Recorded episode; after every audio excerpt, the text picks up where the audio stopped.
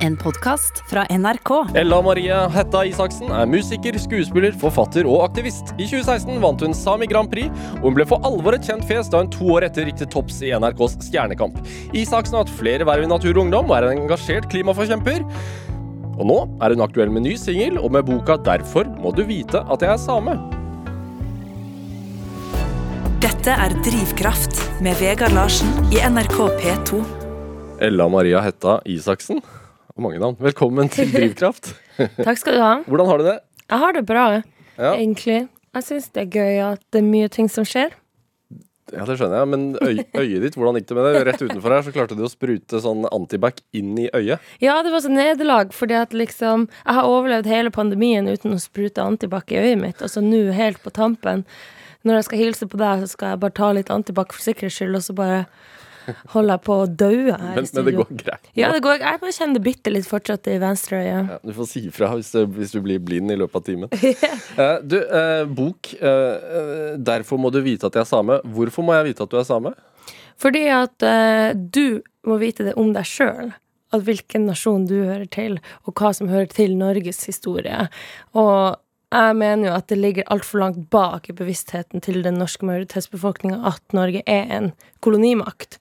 Så ved at du vet at jeg er same, og lærer mer om min historie, så lærer du også mer om deg sjøl. For det er en slags selvbiografi.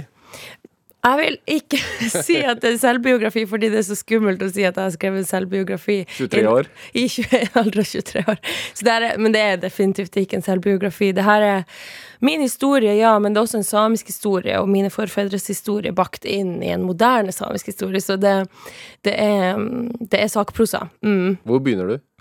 Jeg begynner med Stjernekamp, for det var der eh, Det var der på en måte sant, jeg tok steget inn i offentligheten, og ved å ta steget inn i offentligheten som et samisk ansikt, så oppdaga jeg også store kunnskapshull i den norske majoritetsbefolkninga, og det var jo også der på en måte Hva, hva, hva slags hull?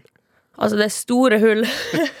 det er veldig mye mangel på kunnskap om hva det samiske folket er, og, og, og, og hva vi er i dag, ikke minst.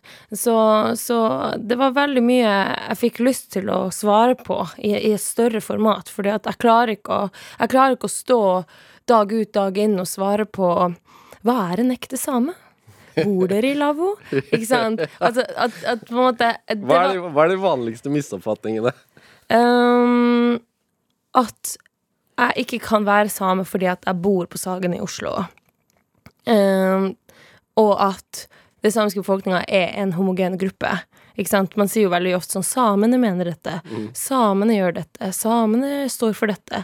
Men vi er jo, akkurat som alle andre folk, veldig forskjellige. Og vi står ikke for én og samme ting. Vi ser forskjellige ut.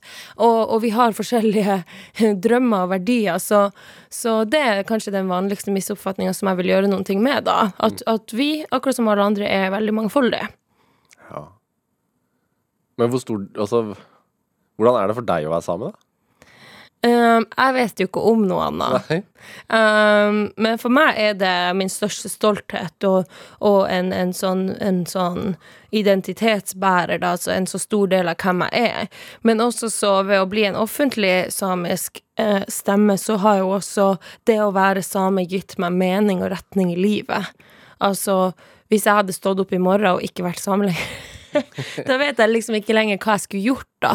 Fordi at, um, fordi at jeg føler at jeg har noe å kjempe for hver dag, og det er jo på en, på en måte et privilegium også. Ja. Og det, og det er blant annet det å, å slå hull på noen myter og, og fjerne misoppfatning. Ja, absolutt. Og det er veldig mye misoppfatning om, om at vi har så mye særrettigheter, eller at vi, ja har vonde intensjoner på noe vis, men, men hvis man går på uh, myteknuser.no, samisk myteknuser, så Er det, kan man er det en nettside? Ja, det er en kjempebra nettside som man kan gå og lese seg opp på. og Da skjønner man veldig fort at det, er, det, det stemmer ikke, liksom. Vi har ikke noen noe særrettigheter i det hele tatt. Mm, Så man har måttet ta til skritt å lage en myteknuser-nettside? ja. Ja, det har gått såpass langt. Og lenger har det jo gått. Altså, vi lever jo i en veldig spennende tid, da, syns jeg, der, der på en måte det samiske er, begynner å bli mer og mer synlig, og samtidig som eksempel jeg stikker meg ut i, i, eh, i media osv., så så fremprovoserer jeg altså utrolig mye samehets. Så man ser jo på en måte mye mer diskriminering offentlig nå enn det man gjorde før. Eh, men jeg, jeg tenker jo at det er Offentlig? Ja, altså på, på Facebook og på, i, i kommentarfelt på aviser og sånne ting. Um, og jeg, jeg tenker jo på en måte at det er trist, men det er et steg i riktig, i riktig retning, da. At nå kommer all det her grumset frem, sånn at vi faktisk kan ta et oppgjør med det. Så håper jeg jo at flere hiver seg med på det oppgjøret, da. At vi går inn i oss sjøl og tenker liksom Hvordan samfunn er det vi vil ha, da? Vil vi at alle skal være like, eller vil vi, vil vi feire det som er forskjellig, og det mangfoldige med oss, da? Men brant du for dette før 2018? Altså før Jo. Stjernekamp? Jo, jeg gjorde jo det, absolutt. Jeg har vært en aktivist så lenge jeg kan huske. Altså, mamma sier at eh, da hun og pappa kjørte meg hjem etter, etter å har født meg i 1998 1. mai, arbeidernes kampdag, da kjørte de meg hjem. Og da sier de at jeg lå i baksetet i min krybbe, eller hva det heter, med knyttneven i været, da. Så jeg vet ikke om mamma har funnet det på, men, men liksom Det føles veldig riktig, da, i, for, i, i, i forhold til hvordan jeg føler meg, da. At jeg alltid Jeg alltid har villet ta et oppgjør. Og det begynte nok med språket, da. Det samiske språket, det nordsamiske språket. Og jeg begynte å, begynte å ta de oppgjørene på alle arenaer fra jeg var fem-seks år. Lett engasjert?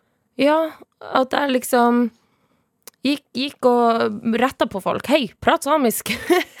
Ikke norsk, liksom. Ørene mine brenner, brukte jeg å si. I, i Tana? Mm. På Tana sameskole. Jeg gikk på Tana sameskole, så det, jeg var kjempeheldig som fikk gikk- gå på en grunnskole hvor all undervisning foregikk på samisk. Men likevel, altså Det norske språket, det er virkelig så sterkt og så slukende og dominerende, for det fins på alle plattformer. Eh, og som samisk barn så blir du likevel veldig mye eksponert for norsk, ikke sant. Så det var mange av mine medelever og venninner som heller valgte å prate norsk i friminuttene. Og det tok jo jeg eh, veldig, veldig alvorlig, ikke sant? for her var vi på samisk territorium, på samisk skole, og de valgte å prate norsk, ikke sant? Det var jo helt krise. Så jeg begynte jo å gå rundt og, og, og be folk først snilt om hei, kan du være så snill å snakke samisk, ikke sant? Men når de nekta å gjøre det, så husker jeg at det var Hva er grunnen til det? Tror, du- tror du altså, fordi at de så norsk på barne-TV, eller hva var, hva er grunnen til Ja, det? altså, altså norsk er jo overalt. Det, det skal godt gjøres å å ikke få med seg at du bor i et norsk samfunn når du bor i Norge, da, selvfølgelig. Og ja, det norske språket finnes overalt, i barne-TV, og, og det samiske språktilbudene er mye, mye mindre av. Um, så, så det var mange som valgte det norske, da, og, og det, det endte med at jeg Har du blitt mindre, eller blitt et strengere språkpoliti med alderen? Um, både og. Jeg tror det er veldig viktig at folk lærer seg Altså nå er det jo veldig mange fornorska samer, da, for å sette det på spissen, som tar tilbake språket. Um, og da prater jo ikke de noe perfekt samisk, selvfølgelig, og det syns jeg er veldig viktig å verne om det, eh, det rommet for å kunne lære seg å ta tilbake språket. Um, jeg er blitt strengere med, meg sjøl, tror jeg. At liksom nå jobber jeg hardere enn noen gang for å beholde språket, da. Hvor viktig er språk? Det er alt for meg. Hvorfor det? Språk forteller så mye om hvem du er. Det forteller Altså bare det at jeg snakker to dialekter nordsamisk, sier at jeg har tilhørighet til både Tana og Kautokeino, ikke sant. Det forteller om min familiehistorie, hvor min familie kommer ifra. Hvilke ord jeg bruker, kan fortelle mye om hvor språkbevisst jeg er, hvor aktivistisk jeg er. Men det kan også fortelle om alderen min, eller hvilken, hvilken gjeng jeg har vokst opp med, ikke sant. At, at vår identitet er så tilknytta det språket vi snakker. Så, så uten, uten språk så er vi jo, er vi jo rotløse, liksom. Men hvor, altså, er, variasjoner av samisk, er det dialekter, eller er det nesten som to forskjellige språk? Altså, altså mener du mellom det norske og det samiske?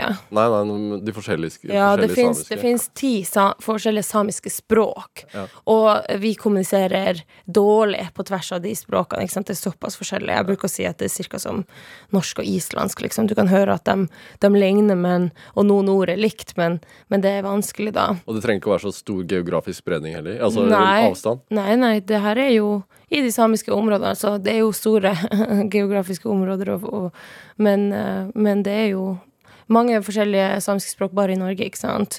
Så um, Nå er ikke jeg noen språkforsker, så det er liksom vanskelig for meg å, å sammenligne akkurat, men jeg bruker å si at det er som, som islandsk og norsk, da.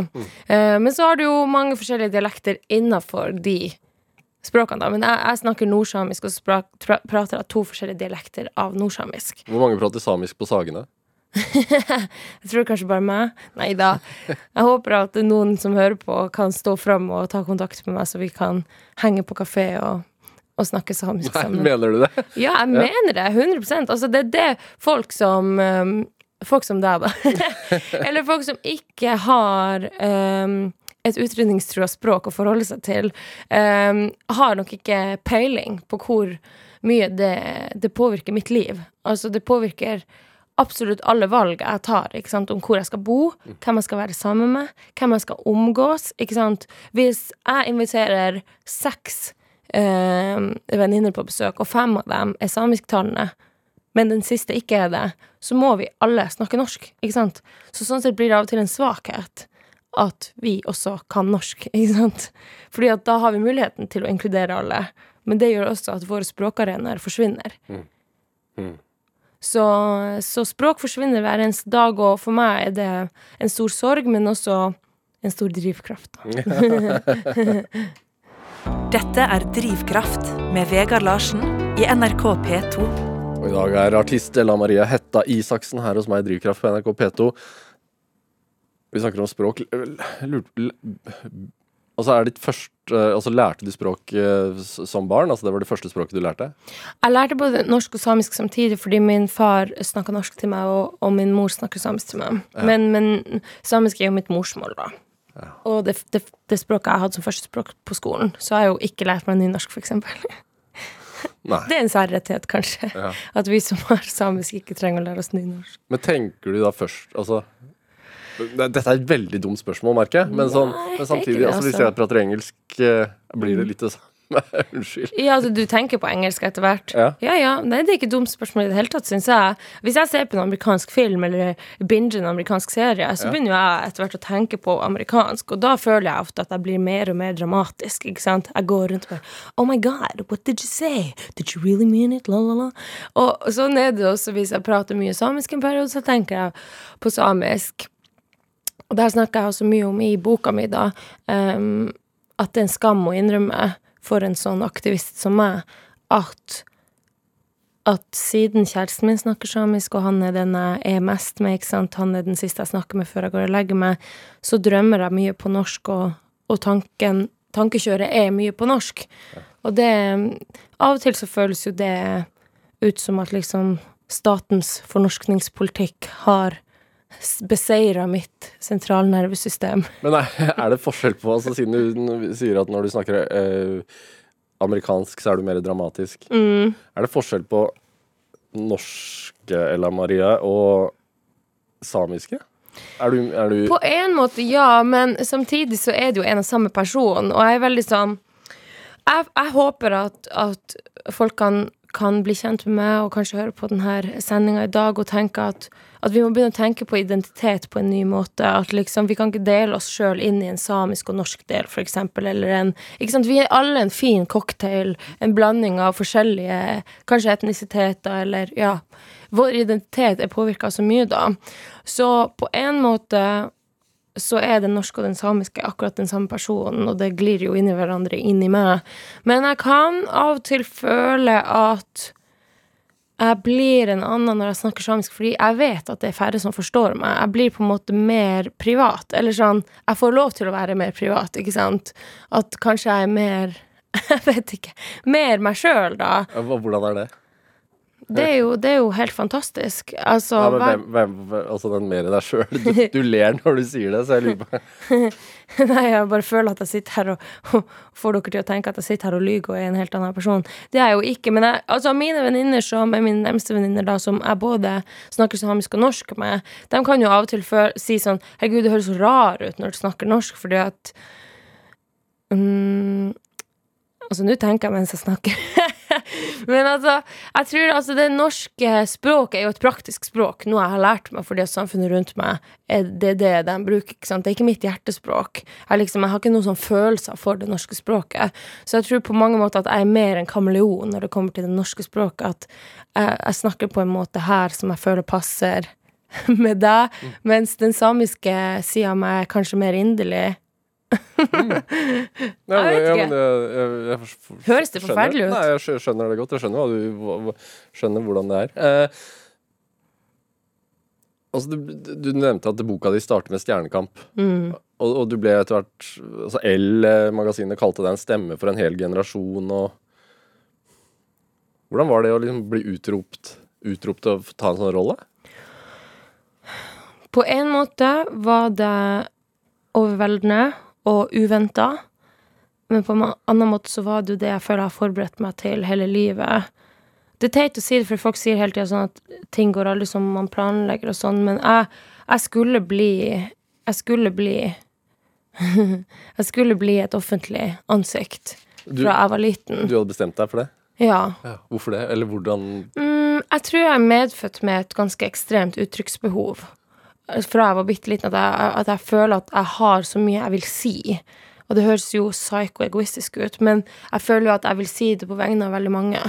Fordi på vegne av min tante, som jeg også skriver mye om i boka, som um, ja, Som jeg kan bli litt rørt av å snakke om, fordi at hun er den siste i vår familie som var på internatskole. Ikke sant? Dette er jo en del av norsk historie som mange ikke vet, men at samiske barn ble sendt på internat, tatt fra foreldrene sine for, for å fornorskes, da, for at de, de skulle avlære seg det samiske språket og, og bare snakke norsk. Um, og det var en traumatisk opplevelse for henne og for veldig, veldig mange andre. Og på vegne av henne så vil jeg på en måte ta det her oppgjøret fordi at jeg har muligheten. Ikke sant? Jeg er privilegert nok til at jeg har gått på en samisk skole. Jeg har en mor som, som ikke sant, Lillesøstera til min tante, da. Min mor var attpåklatt, og hun gikk ikke på, på internatskole. Hun er stolt av det samiske språket, og det har hun videreført til meg. Så jeg var klar. Jeg var klar til å ta den kampen, og samtidig lever jeg i en tid hvor jeg opplever at at samfunnet begynner å bli moden. Vi begynner å bli moden for å se tilbake, anerkjenne den historien vi har, og så deretter se fremover. Så det er jo på vegne av veldig veldig mange andre at jeg har det her uttrykksbehovet, og det har jeg nok kjent på siden jeg var bitte liten, at det er et eller annet min tante aldri har fått sagt. Men hun har fortalt det til deg? Ja, nå i seinere tid. Hva har hun sagt, da? Hun har sagt at hun har eh, slitt hele livet med et kompleks. Fordi at hun, fra hun var bitte liten, ikke sant, seks-syv år, har blitt fortalt at det samiske språket er, er uten verdi, og det norske språk, språket er det som gjelder. Men så har hun aldri følt at hun Og ide- ide- identiteten din er så tilknytta det, ikke Ja, ikke sant? sant. Og, og, og hun eh, mestra jo aldri det norske språket. Og samtidig mista hun så mange år hun kunne ha mestra det samiske språket på. Så hun har jo følt at hun har falt mellom to stoler, ikke sant. Og det har ført til en enorm skam og en, et mindreverdighetskompleks som utrolig mange eldre samer i dag går og bærer på. Altså utrolig mange analfabeter som ikke sant, sliter med å, med å funksjonere i samfunnet fordi at de ikke har fått det kunnskapsgrunnlaget språkmessig som de, de skulle ha hatt. Og det er jo på vegne av blant annet dem da at jeg, jeg bruker min posisjon til å si at nå er det nok. Vi er nødt til å, vi nødt til å anerkjenne det samiske folket som et likeverdig, språk, som et likeverdig mm, folk. Det er ikke eneste der du er aktivist, da. I sommer så drev du og lenket deg fast til en gravemaskin. Absolutt, og det henger jo sammen. Altså det, det samiske folket har jo alltid vært et naturfolk. Urbefolkningene i verden er jo de, de befolkningene som, som først, først merker klimaendringene, som lever tettest på omgivelsene sine og kjenner detaljene. ikke sant? Nå er snøkvaliteten annerledes enn den var i fjor. ikke sant? At, at vi vet. Vi vet. Og derfor henger alle de her tingene veldig tett sammen, for vi lever i en, i en klimakrise og, og en naturkrise. Og da er det enda viktigere enn noen gang at vi lytter til urbefolkninga i verden. Ja, det var Repparfjorden eh, eh, Du refererte til, ja. eh, Mens du lenket deg for hva, hva, hva, hva fikk deg til å ta et skritt og liksom bruke kjetting? Eller var det, var det kjetting? ja, det var kjetting, faktisk. Um, hva som gjorde det Jeg føler at jeg ikke hadde noe valg. Det hadde føltes helt teit for meg å, å ikke gjøre det. Altså, altså, du kommer til et punkt hvor det er sånn eller jeg vet ikke om andre føler på det samme, sånn føler iallfall jeg det, at du kommer til et punkt hvor du ikke har noe valg, og det er sånn Det, det, er, det er smertefullt å sitte og se på urett bli begått mot Ja, kort oppsummert så Repparfjorden, kobbergruve, eh, gruveavfall i fjorden. Eh, i, i reinbeiteland. I reinbeiteland så også naturområder på land blir påvirket. Kort oppsummert. Kort oppsummert. Og en av veldig, veldig mange arealkonflikter i Sami, altså i samiske områder, der reindriftsnæringa blir, blir pressa ut, ikke sant. Vi har plass til en kobbergruve, men vi har ikke plass til mer rein, ikke sant. Det er jo paradoksalt. Sånn holder regjeringa på. Det er helt forferdelig å sitte og se på. Så, så jeg er kommet til et punkt hvor jeg ikke klarer å sitte og se på det, og jeg føler at jeg må gjøre alt jeg kan, alt i min makt. Og når man har prøvd å påvirke og stoppe denne gruva da, i alle politiske instanser Jeg har jobba med denne saken siden jeg var 16 år. Altså, det har fulgt meg gjennom hele min, mitt voksne liv. Gjennom min karriere i Natur og Ungdom, holdt jeg på å si. og, og um, ja. Vi har, vi har, liksom gjort alt det byråkratiske, det polit politiske, lobbyvirksomhet, demonstrert på, på, lovlig vis, ikke sant? Men så blir du ikke lytta til. Og jeg mener jo da at da er det neste steget sivil ulydighet. Og det er jo mange som er prinsipielt imot det, at la-la-la, dere bryter loven og men sånn, sånn, hvis man ser tilbake, da, de store bevegelsene i verden som virkelig har drevet verden fremover, det er jo folk som har satt seg ned og sagt nok er nok, ikke sant? Uh, Apartheid-regimet, ikke sant? Vi hadde jo aldri uh, fått det vendepunktet som vi hadde fått, hadde ikke folk, uh, hadde ikke folk sagt nok er nok, og det var det vi gjorde i Repparfjord-saken, og du ser jo, vi, vi vinner frem. De demonstrasjonene vi har hatt der i sommer, og også som ble den lengstvarende protestleiren i norgeshistorien. Hvor lenge var du der? Um, jeg var der i underkant av en måned. I telt? I telt. Men fra Altså, jeg reiste mye sånn fra og til, men jeg hadde på en måte basen min der, da. Ja. Ble, ble, du en slags sånn talsperson som vi, jeg, vi, var mange talspersoner, og det var jo et bevisst valg vi tok fra starten. at Altså selvfølgelig, selvfølgelig Therese Husmyr Woie, som er leder i Natur og Ungdom, hun har jo vært veldig mye i media, og hun er jo en veldig, veldig god representant. Men jeg syns det har vært viktig at vi har vært mange som har snakka den saken, fordi vi er så mange som, som ønsker å beskytte Repparfjord, som ønsker å beskytte eh, rettighetene til reindriftsutøverne i det området. Og vi er veldig mange forskjellige folk som engasjerer oss i den saken, så da, da er det bra at det ikke er liksom bare jeg eller noen andre som taler den saken. Vi er veldig mange. Mm. Mm. Det, det, tyske selskapet som var interessert, trakk seg vel ut. Hva er, ståa yes. nå? Ståa nå er at, uh, at Hammerfest kommune har, har nekter uh, gruva å sette i gang før jul. Altså de behandler en klage som um, denne bevegelsen vår da har sendt inn på at, at artsmangfoldet i området og konsekvensene for reindrifta ikke er godt nok utreda. Og den klagen er da blitt tatt på alvor av kommunen, og, og de håper jeg da det føles sånn, sitter nå og tenker shit, nå har vi dritt oss skikkelig ut. Vi aner jo ikke hva vi holder på med. Her er vi nødt til å ta et par steg tilbake og, og, og, og um, se på de her tingene på nytt. Så, så det er en kjempestor seier. Vi blir lytta til, og, samtidig er det jo jævla trist, da, unnskyld språket, at eh, en gjeng, gjeng aktivister så lett klarer å finne en feil som så tydelig er systematisk, skjønner du? At sånn Vi har vært og plukka blomster, liksom, i området og samla sammen et, et, et et kart, liksom, en oversikt over det her er art, art, uh, altså artene som, som, står i fare, da. Og, og, liksom, vi kan gjøre det helt på frivillig basis og, og, og påpeke en så stor systematisk feil som er blitt gjort. Og blitt lytta til, heldigvis, men det er jo trist at sånne feil blir begått. Du, du har blitt kalt uh, Eller du har kanskje sagt det selv også, at det er uh, vår tids Alta-sak. Mm. Jeg mener at det er vår tids Alta-sak, og det har vi jo sagt i mange år. Det er veldig, veldig mange uh, likhetstrekk, og, og, det som er så rart, er jo at jeg har jo spilt nå inn denne filmen La, Elva leve. leve. Ja, Ole Javers regi, som kommer vel nest, altså Den er blitt stoppet pga. korona, så det kommer vel kanskje neste år eller året etter. Det vet man ikke helt. Ja, er, ikke, er ikke ferdig innspilt? Nei, ikke ferdig innspilt. Men jeg, jeg, får jo spille i den filmen, og, og det har vært helt sykt å spille i den filmen, og innimellom tagning, ikke sant, få nyheter fra Repparfjord.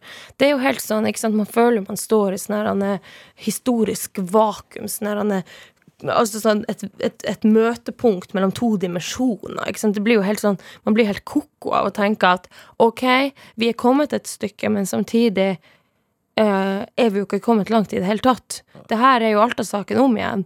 Bare at når jeg snakker med Alta-veteraner nå, og sier, ikke sant, oppriktig takker dem for det grunnlaget de la, og det viktige arbeidet de, de gjorde, som også førte til at vi mest sannsynlig fikk Sametinget litt før vi ville fått det, osv.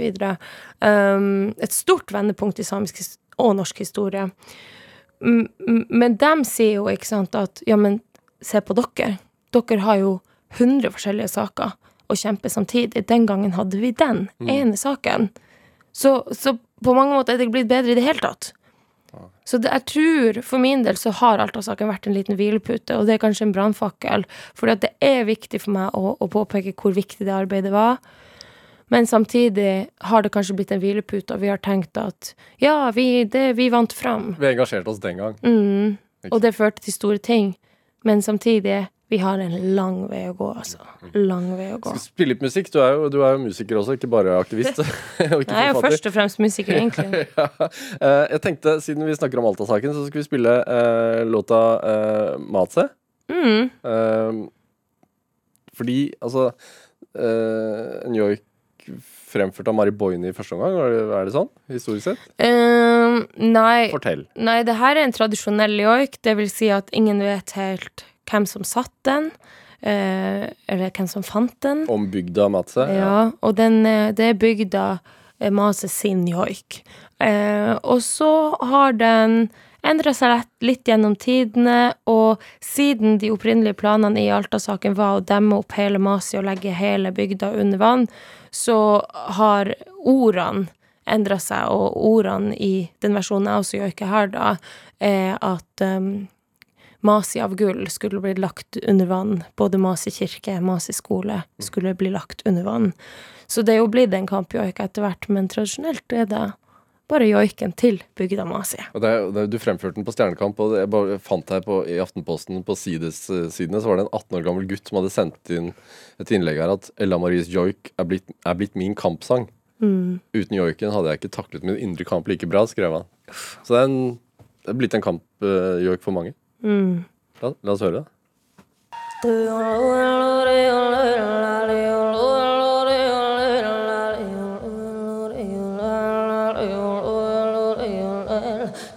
Mate, golle mate, lo lo lo lo lo lo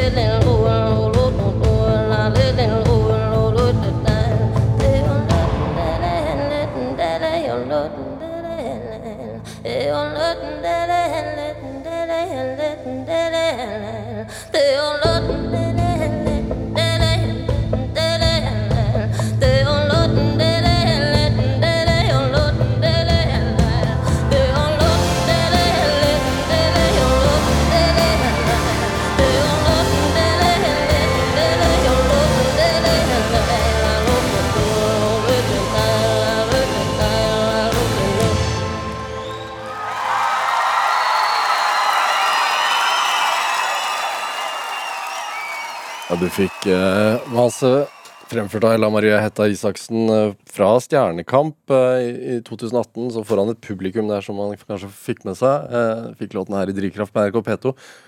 Hvordan er det for deg å høre den nå?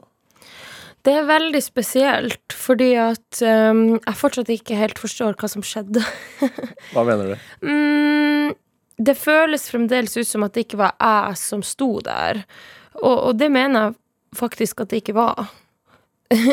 ikke det at jeg var noen andre, men at det var ikke min stemme, det var stemmen til så mange. Og det er også sånn jeg åpner boka, da, derfor må du vite at jeg er same.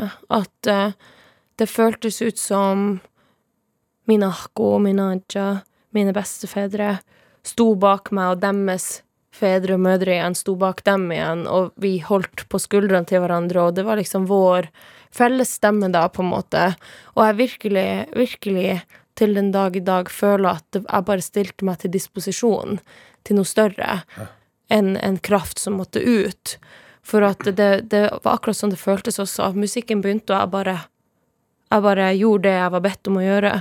Og så tror jeg det blikket jeg sendte i kamera, eh, det ble en sånn katalysator for store følelser. Og en, en forløsende um, Et forløsende øyeblikk for veldig mange. For det fikk jeg jo også bevist når jeg reiste på turné etterpå og møtte altså så masse mennesker som holdt meg i handa og gråt og gråt og gråt. For de var så glad for at jeg hadde endelig stått på scenen på riksdekkende beste sendetid, NRK, ikke sant, og vært så stolt. Og for dem var det, var det så viktig og så stort, og, og også veldig vondt. Fordi at det minte nok veldig mange om, om den stoltheten de ikke sjøl har fått kjenne på da. Men, men følt, altså, var det sånn, altså Du sier at du nærmest opplevde deg selv som en katalysator. Altså, åndelighet, hvor, hvor vesentlig er det? Det er kjempevesentlig i den samiske kulturen. Og jeg, jeg er egentlig bare sånn i startfasen av min egen sånn åndelige reise, om man kan kalle det, for jeg har alltid vært veldig lite spirituell. Så jeg husker mamma og pappa de brukte å lese Fader vår for meg, faktisk, hver kveld før jeg la meg. Og jeg skjønte til slutt ikke helt hvorfor de gjorde det. Jeg spurte pappa vent, tror vi egentlig på Gud? Og han bare nei, vi gjør jo ikke det. så jeg har aldri, jeg har aldri vært så spirituell, så religiøs, så åndelig.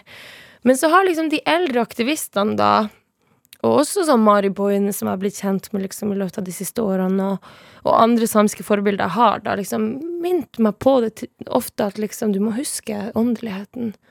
Du må huske den. For den, den, den det er noe vi har mista langt på vei, da, på grunn av eh, koloniseringa, om man kan kalle det, eller, eller forkristninga av samene. ikke sant? Den samiske mytologien skulle ut, og kristendommen skulle inn. ikke sant? Så vi har jo mista veldig, veldig mye åndelighet på veien. Men Hva er det spirituelle? da? Det er jo en Altså, vi har jo hatt en religion, en hel fullkommen religion med naturguder der man ofrer til, eh, til ressursene rundt seg, fordi man alltid skal bare Ikke sant, man skal være takknemlig for alt man får, men man skal bare ta akkurat det man trenger, ikke sant. Minimalisme før det var kult. Men, altså, men så, når du beskriver den scenefremtredelsen, altså fremførelsen Mm. for meg, det høres ut som en spirituell opplevelse for deg, altså at du nærmest ikke er til stede. Ja, og det er kanskje akkurat sånne ting da som har satt i gang min egen reise, og jeg har blitt mer og mer interessert i det spirituelle, hvor viktig del av den samiske kulturen det faktisk er, og derav kanskje også en veldig viktig del av meg sjøl som jeg vet ikke, undertrykker jeg den, eller gir jeg den ikke plass, ikke sant? Men det er spennende, jeg syns det er spennende, så jo mer jeg tenker på det, jo mer av den samiske mytologien har jo overlevd, selv om vi ikke tenker på det som at vi tilber Gud, altså for eksempel hvis jeg skada meg når jeg var liten, hvis jeg kutta meg på fingeren og begynte å blø, og mamma skulle blåse, så brukte hun alltid si Skiribuatsa sapan- sapanyama ella sorama shadaborre. Og det betyr eh, eh, skiribuatsa, altså skjæra skal bli syk, musen skal dø, og Ellas finger skal bli bedre. Ikke sant? En sånn ofring. Stakkars. Ja, stakkars skjær og stakkars mus. Men ikke sant, det er en sånn her eh, en, en tankegang om at noe må ofres for at noe annet, skal bli bedre. Og det må jo vi ha fra gammelt av, ikke sant. Og det er jo sånne regler som har levd videre, som jeg aldri har tenkt på som så veldig spirituelle, men som jo er det. Så jeg syns det er kjempespennende. Men sånn som når du Du er jo kreativ, og du skriver jo musikk, og du fremfører musikk. Altså den inspirasjonen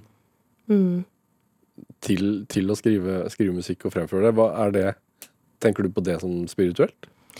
Ja, etter hvert har jeg begynt å tenke på det også som spirituelt. For hva er inspirasjon? For meg, hvis du spør meg sant, hvordan er det jeg skriver musikk Jeg vet da faen. Jeg har jo ikke, jeg har ikke gått Jeg har jo ikke utdanna meg sjøl. Jeg har jo ingen musikalsk bakgrunn heller fra familien min eller noen ting. Det er jo bare en sånn kanal som åpner seg, og det, jeg peker oppover nå, for jeg føler at det kommer ovenifra. At det er noe som åpner seg. En sånn jeg vet ikke hva det er. En sånn bevissthet som ikke er fysisk. Ikke sant, Som åpner seg, og det, og det kommer til meg, da. Herregud, nå høres jeg ut som Lilly Bendriss her. Herregud. Men ja, inspirasjon må jo være en sånn ting som er sånn uforklarlig, og som da kanskje må forklares med åndelighet. Ja, hvordan skriver du låter, da? Um, jeg blir Jeg blir uh, overrumpla av en følelse som kan være sorg, som kan være kjærlighet, som kan være sinne. Og så kryper jeg til pianoet mitt, og så stotrer jeg noe ut. Du Har du piano hjemme? Ja. Ja. Og eh, det er ikke pent i starten, skal jeg love deg. Men så etter hvert så blir det jo alltid en låt, da. Og så tar jeg det med meg til, til Daniel og Alexander i bandet mitt, og vi lager noe ut av det, da. Ja. Hvordan er det å komme med nytt materiale? Det kan jo være dritskummelt. Altså, jeg liker ikke å skrive med andre folk i det hele tatt. Um, altså, nå er det jo vanlig mange musikere som gjør sessions, ikke sant, og kjæresten min blant annet jobber jo veldig sånn at han møter folk, og så skal de skrive låt. Ja, faen, han er musikkprodusent. Ja, og de har kanskje aldri møtt hverandre, og så skal de skrive noe jævlig privat og sånn. Jeg blir helt sånn nei, nei, nei, nei, nei. Altså, takk Gud for at jeg skriver på samisk mye, for at dere skjønner jo ikke bare hva jeg sier. nei da, men, men det, er, det føles veldig privat, og der og da, ikke sant Jeg er veldig takknemlig for at jeg fortsatt har det rommet med pianoet og meg sjøl, som er helt for meg sjøl. Ikke sant? Eh, det var sånn det begynte for meg å skrive musikk. Det var som terapi. Og jeg har fremdeles den terapien, og, og, og Medi altså, blir det meditasjon eh, nesten, Ja. eller er det, er det det der, eller? Jeg vet da, søren. Altså, det er, det, er terapi, det er terapi, meditasjon, det er et utløp. Det er et utløp. Og, og jeg, som nevnt, har jo et sånt sinnssykt uttrykksbehov, så det kommer jo ut i alle formater. Veldig mange musikere liker jo ikke å snakke på radio, eksempel, eller på TV.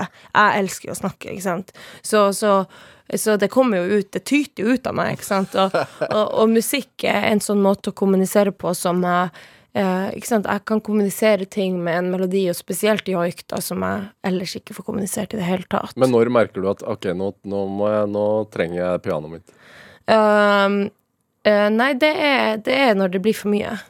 Spesielt da. Altså, altså og, og det er jo synd å si det, men spesielt når jeg har det tungt, så, så, så vet jeg at nå er det ingenting annet som hjelper enn at jeg går og skriver noe. Eh, og det er mine mørkeste øyeblikk, altså. Hvorfor er det sånn, tror du? Mm, hvorfor er det sånn? Jeg aner ikke. Er det derfor vi har kunst? Kunst, musikk.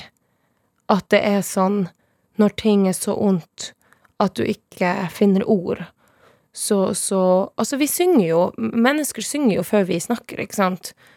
Er det derfor at det er en måte å kommunisere på som er så lite mm, psykisk? Mm, gjennomtenkt. Ja, gjennomtenkt. Det er så sjelelig. Ja. Det, altså, jeg føler når jeg synger, eller spesielt når jeg joiker, så, så snakker jeg fra mitt hjerte til ditt hjerte. Hvorfor enda mer med joik enn Fordi at det er et helt språk. Altså sånn mm, Det altså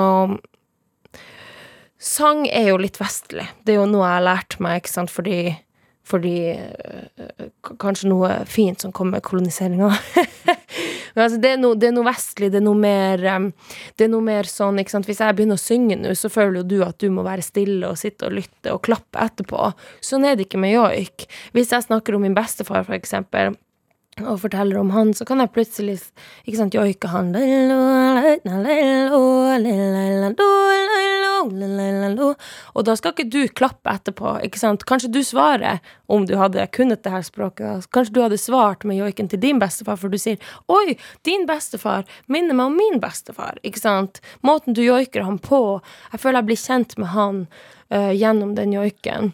Ikke sant? Så det er, det er helt, det er et helt annet språk. Det, det er liksom Det er hans melodi, liksom. Mm, det er hans melodi som Ingen vet hvem som satt den, hvem som fant den, eh, men den har levd videre, og, og mamma mista jo faren sin veldig tidlig, og før jeg ble født, så, så Jeg har jo aldri kjent han. Men kombinert med historiene jeg har hørt om han, og ikke minst det å ha lært joiken hans, så føler jo jeg at jeg har, jeg har han med meg. At jeg har blitt kjent med han, og det er en stor gave.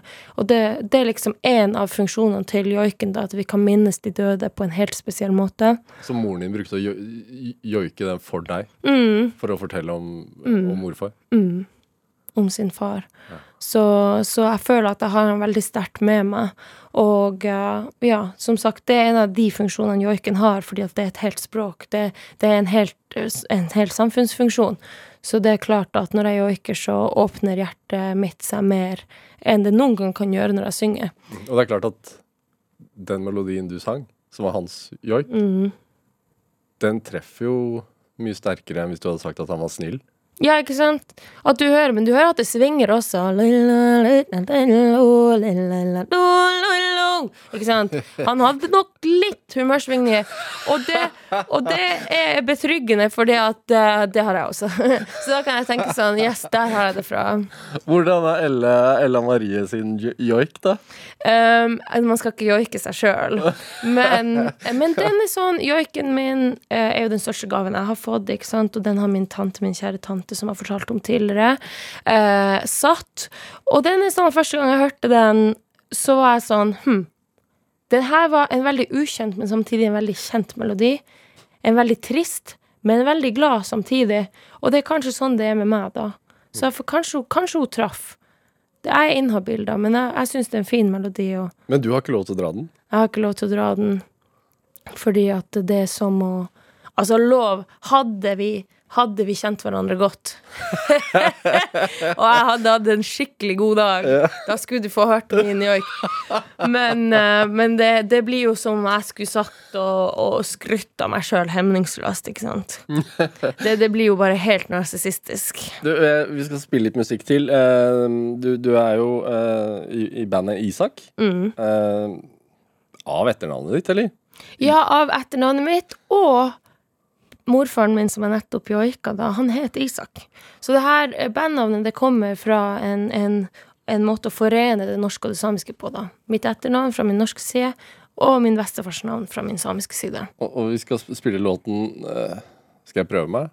Ja, Ja, Darba sitter du. ja det var sånn en nordmann ville uttalt det. Ja, Det er det jeg har å by på. Ja. Ja. «Darba sitt du?» Ja. Og, Mm. og det, altså jeg så på Instagrammen din at dette er en låt som hjertet ditt har skrevet, og ikke hodet. Mm. Det er sånn det føles. Eh, jeg skrev den her uh, grytidlig en morgen. Jeg sto opp, og så klarte ikke jeg å sove mer, og, så, og da krøyp jeg til pianoet, som jeg bruker å gjøre, litt sånn i halvsøvn, og så begynte jeg med en tangent, dung, dung, dung, ikke sant? Og så kom det bare en, en låt da, med et, et refreng som, med elementer av joik da. Ja, hva synger du om? Kjæresten min Er det, er det hans joik?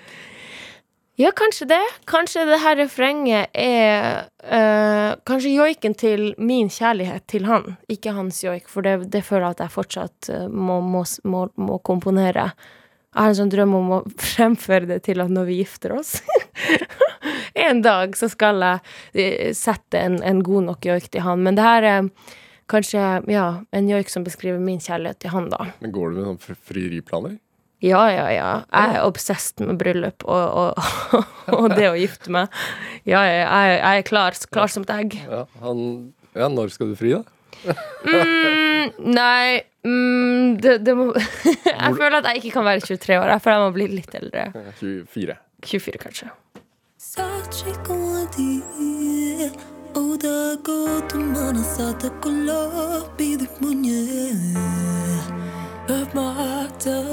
both of us. Ystävälleen shii, te anda kasi muhikton saate mulle tie. Outa kolan olis vas. Ja munin halii.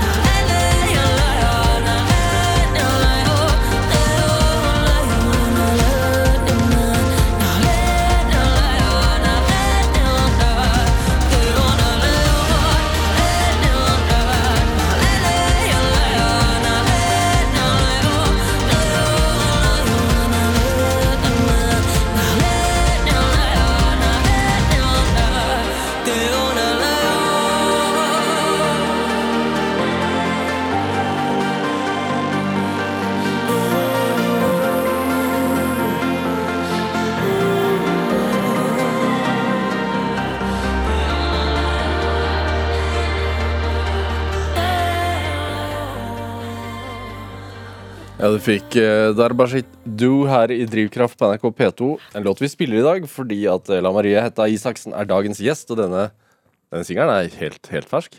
Ja, den kom på fredag. Ja. Og uttalen din ble så mye bedre bare på én gang. Jeg prøvde. Det var så bra. Ja, det, det er lov man, Det er bra altså Man blir bedre av å øve. Nettopp. Ja. Det, du, du sier at At du har litt sånn kraftige humørsvingninger. Nei, du sa ikke kraftig, men at det påvirker deg. Hvordan, hvordan er det? Hva, Og igjen, jeg vet ikke om et liv uten, men det er, det er, det er voldsomt. Det kan ikke, det kan ikke overdrives. Eh, Det er helt eh, ekstremt. Så når jeg var yngre Jeg har en lillesøster som er fem år yngre enn meg, som er det viktigste i mitt liv. Og hun sa til meg for en stund siden at når vi var små, og jeg var i godt humør, så brukte hun alltid å grue seg, for da visste hun at, at jeg kom til å bli sur snart. Okay. Altså, skjønner du? Så det, det, det, har, det har Jeg tror det er bare noe medfødt. um, at, at det er heftig mye følelser inni meg. Og, og på mange måter sånn har jeg ikke en måte å filtrere eh, inntrykk på. Ting som skjer rundt meg. Det bare jeg bare absorberer det. Og, og derfor må det jo også ut, ikke sant? Eh, og derfor har jeg nok også et så stort uttrykksbehov, og er kunstner og aktivist, og liksom at jeg kjenner på ting så sterkt at at jeg også blir så engasjert, da. Så det, it's, it's a gift and it's a curse. Ja, heller det enn å være litt sånn balansert. Ja, og det var det som var så rart under pandemien. Da hadde jeg jo eh, lite som skjedde i forhold til hva jeg er vant til. Ikke sant? Alle turneer ble avlyst. Det var lite inntrykk. Og, og det resulterte i at jeg ble mer balansert enn jeg noen gang har vært. Og det var så ubehagelig. Det var noe jeg trodde jeg alltid ville ha. At liksom humøret mitt var flatere og mer kontrollert. Men når jeg opplevde det, så følte jeg bare at livet mitt mangla innhold. Ikke sant? At, at det bare Det var ikke noe Det var ikke noe ja, Det var ikke noe tak. Skjønner du? Eller sånn Det må være litt motstand, da. Jeg trenger litt motstand, tror jeg. Ja. Men er du sånn altså, hvordan er du når du våkner om morgenen? da? Altså, tenker du sånn i dag så har du planen full, eller er det liksom Ja. ting skjer? Nei, jeg er veldig lite ting skjer. Jeg er veldig sånn som planlegger. Men det handler jo om at min hverdag er Altså, det går ikke an for meg å beskrive en typisk hverdag, liksom, fordi at det er så forskjellig. Det er så mye ting som skjer, og, og da er jeg, jeg er veldig organisert, egentlig.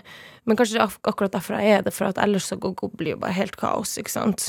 Um, men jeg er veldig glad i kalender og fargekodekalendere og sånn, så jeg vet alltid hvilke avtaler jeg har hver dag, da. Men kan det være sånn hvis du er høyt oppe, så er man også langt nede, da?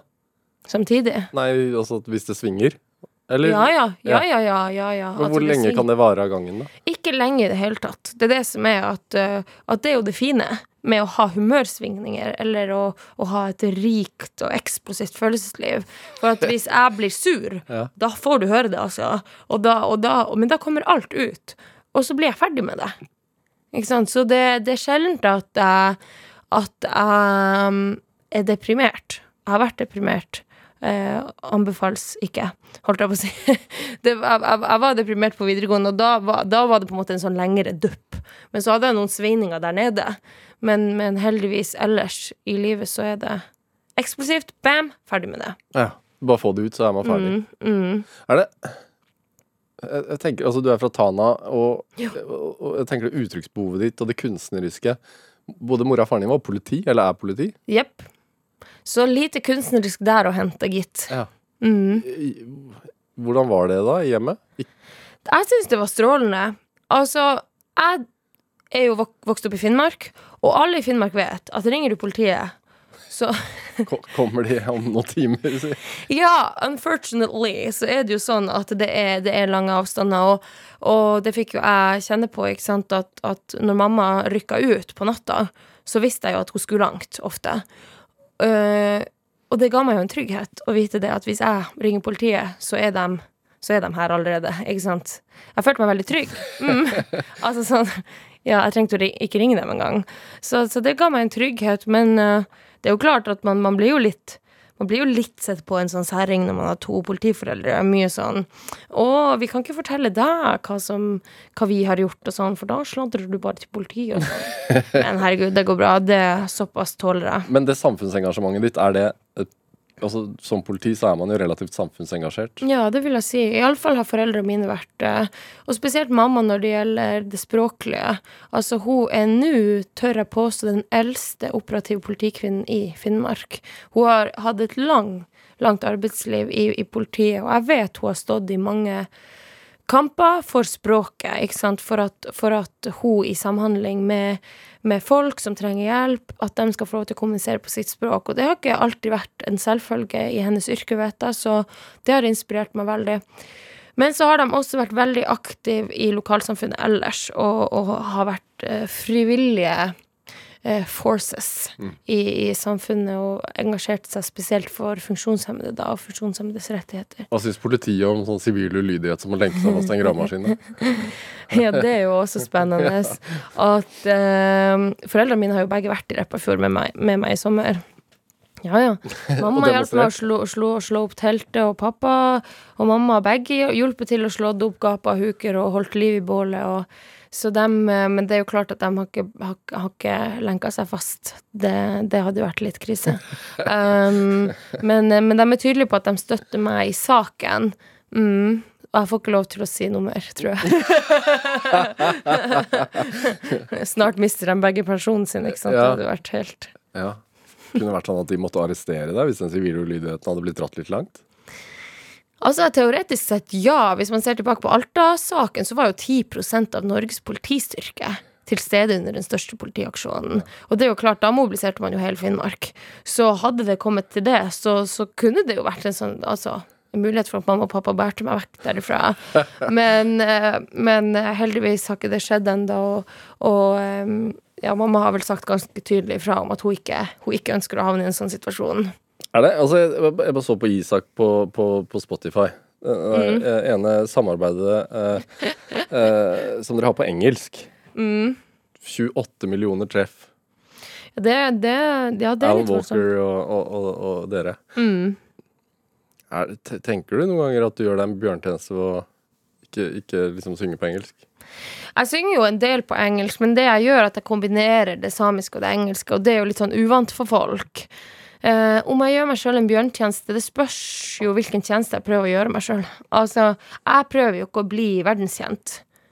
Jeg har ikke noe behov Ikke litt behov for å bli verdenskjent engang. Um, uh, ikke det at jeg skal stå i veien for bandkompisene mine sin, sin drøm om å bli det. Altså, hvis vi blir det, så er det så helt greit. Men min misjon i livet er jo å løfte fram uh, samisk kultur og samisk språk. Så, så det gjør jeg med glede Ja, med musikken. Karrieren Ja. komme i etterhånd. Ja, men jeg føler jo at jeg har gjort karriere av det òg.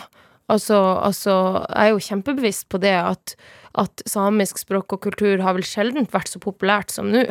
Og, og det er jo mange som kanskje utnytter det, og mange som tenker yes, hei, nå hiver vi oss med og, og, og lager noe etnisk eksotisk, ikke sant. Men jeg er jo kjempebevisst på at det er ikke min misjon. Jeg skal ikke eksotifisere verken samisk språk eller kultur. Jeg skal løfte det fram som det det er, på en genuin måte, og det er det som er min misjon i livet. og hvis det gjør at noen folk ikke orker å høre på musikken min, så tenker jeg at det er deres tap. Og det er altså drivkraften din, eller vil du definere den annerledes? Vet du at min drivkraft er rettferdighet? At jeg føler at jeg står opp hver dag til så mye urettferdighet. Og så lenge verden er urettferdig, så kommer jeg til å kjempe, tror jeg. Tusen takk for at du kom hit til Drivkraft. Er det over allerede? Nå er det gått en time. Ella Marie Hetta Isaksen, Ja. veldig hyggelig å ha deg her. Takk for meg. Hør eh, flere samtaler i Drivkraft på nrk.no, i NRK-appen, eller last oss ned som podkast. Send oss gjerne ris og ros og tips til mennesker som du mener har drivkraft. Send en e-posten til drivkraft, krøllalfa, nrk.no. Vi hører gjerne fra deg. Tobias Brynildsbakken Huse produserte og researchet dette programmet. Anne Sofie Stang bidro også sterkt til denne sendingen. Du kan også følge oss på Instagram på NRK Drivkraft. Der har du en bildeoversikt over alle de som har vært gjest i dette programmet. Jeg heter Vegard Larsen. Vi høres. Du har hørt en podkast fra NRK. Hør flere podkaster og din NRK-kanal i appen NRK Radio.